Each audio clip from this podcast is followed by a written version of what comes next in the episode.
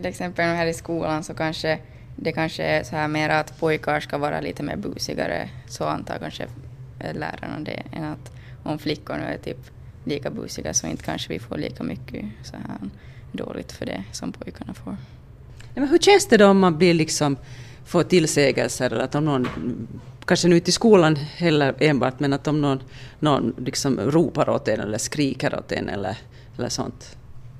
No, alltså om man på riktigt har gjort något fel så ska man ju stå för det.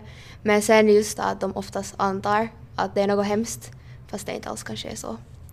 Hur tycker du att man skulle kunna förbättra kommunikationen mellan vuxna och ungdomar idag? No, jag tror att liksom vuxna måste börja tänka hur barn tänker och barnen måste börja tänka hur vuxna tänker. Att inte bara liksom på sig själv. Hur gör man det? ja, det är svårt man får öva.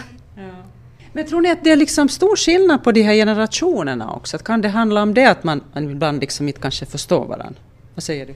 Nå, säkert, för att eh, det ändrar ju hela tiden hur man gör i olika situationer och så. Och hur liksom kretsarna går och så, så säkert. Hur är det med dig? Har du situationer där du, där du har blivit, liksom, känt dig sårad och, och, och någon vuxen har liksom behandlat dig fel?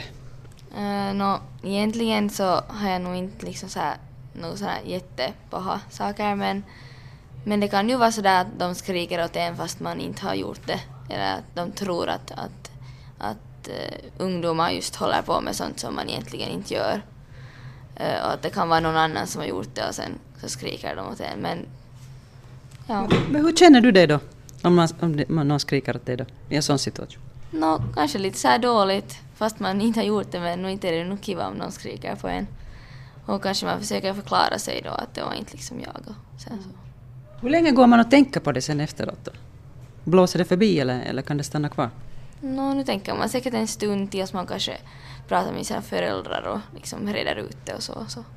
Inte tror jag att det är någon evighet som man går och funderar på det, men en stund. Ja. Hur tycker ni att lärarna i allmänhet liksom sköter sig då sådär? No, det finns ju vissa lärare som liksom typ favoritiserar vissa elever. Det är inte många av de lärarna som finns men det finns sådana. Och de är lite jobbiga att vara med ibland för att de har sina favoriter som de alltid liksom behandlar bäst typ. Hör du till dem då? Ja, mm. Hur tycker du att man ska, ska liksom förbättra kommunikationen mellan unga och, unga och äldre?